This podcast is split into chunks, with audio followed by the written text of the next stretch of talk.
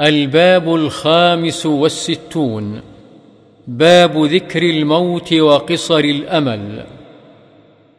وعن ابن عمر رضي الله عنهما قال أخذ رسول الله صلى الله عليه وسلم بمنكبي فقال كن في الدنيا كأنك غريب أو عابر سبيل. وكان ابن عمر رضي الله عنهما يقول إذا أمسيت فلا تنتظر الصباح وإذا أصبحت فلا تنتظر المساء وخذ من صحتك لمرضك ومن حياتك لموتك. رواه البخاري. وعنه رضي الله عنه أن رسول الله صلى الله عليه وسلم قال ما حق امرئ مسلم له شيء يوصي فيه يبيت ليلتين إلا ووصيته مكتوبة عنده. متفق عليه. هذا لفظ البخاري. وفي رواية لمسلم يبيت ثلاث ليال.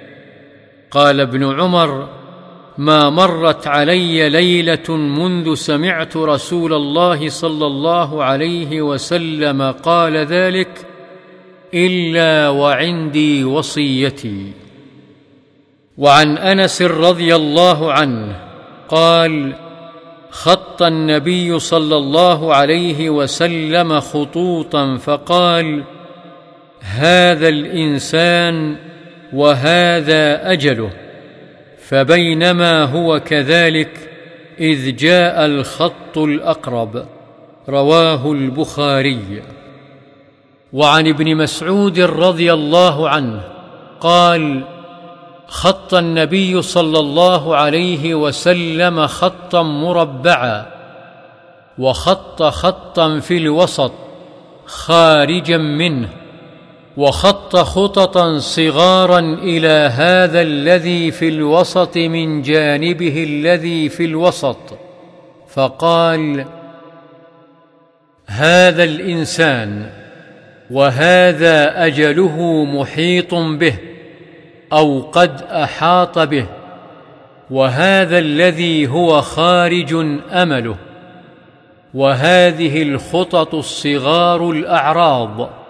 فإن أخطأه هذا نهشه هذا.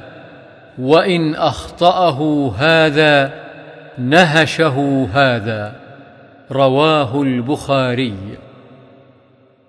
وعن أبي هريرة رضي الله عنه أن رسول الله صلى الله عليه وسلم قال بادروا بالأعمال سبعا. هل تنتظرون إلا فقرا منسيا أو غنى مطغيا أو مرضا مفسدا أو هرما مفندا أو موتا مجهزا أو الدجال فشر غائب ينتظر أو الساعة والساعة أدهى وأمر رواه الترمذي وقال حديث حسن.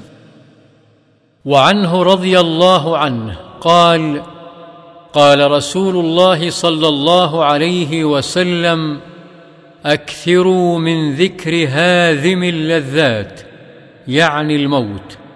رواه الترمذي وقال حديث حسن. وعن أبي بن كعب رضي الله عنه كان رسول الله صلى الله عليه وسلم إذا ذهب ثلث الليل قام فقال يا أيها الناس اذكروا الله جاءت الراجفة تتبعها الرادفة جاء الموت بما فيه جاء الموت بما فيه قلت يا رسول الله إني أكثر الصلاة عليك فكم أجعل لك من صلاتي؟ قال ما شئت. قلت الربع. قال ما شئت فإن زدت فهو خير لك. قلت فالنصف. قال ما شئت فإن زدت فهو خير لك. قلت فالثلثين قال ما شئت فإن زدت فهو خير لك قلت أجعل لك صلاتي كلها قال إذا تكفى همك ويغفر لك ذنبك رواه الترمذي وقال حديث حسن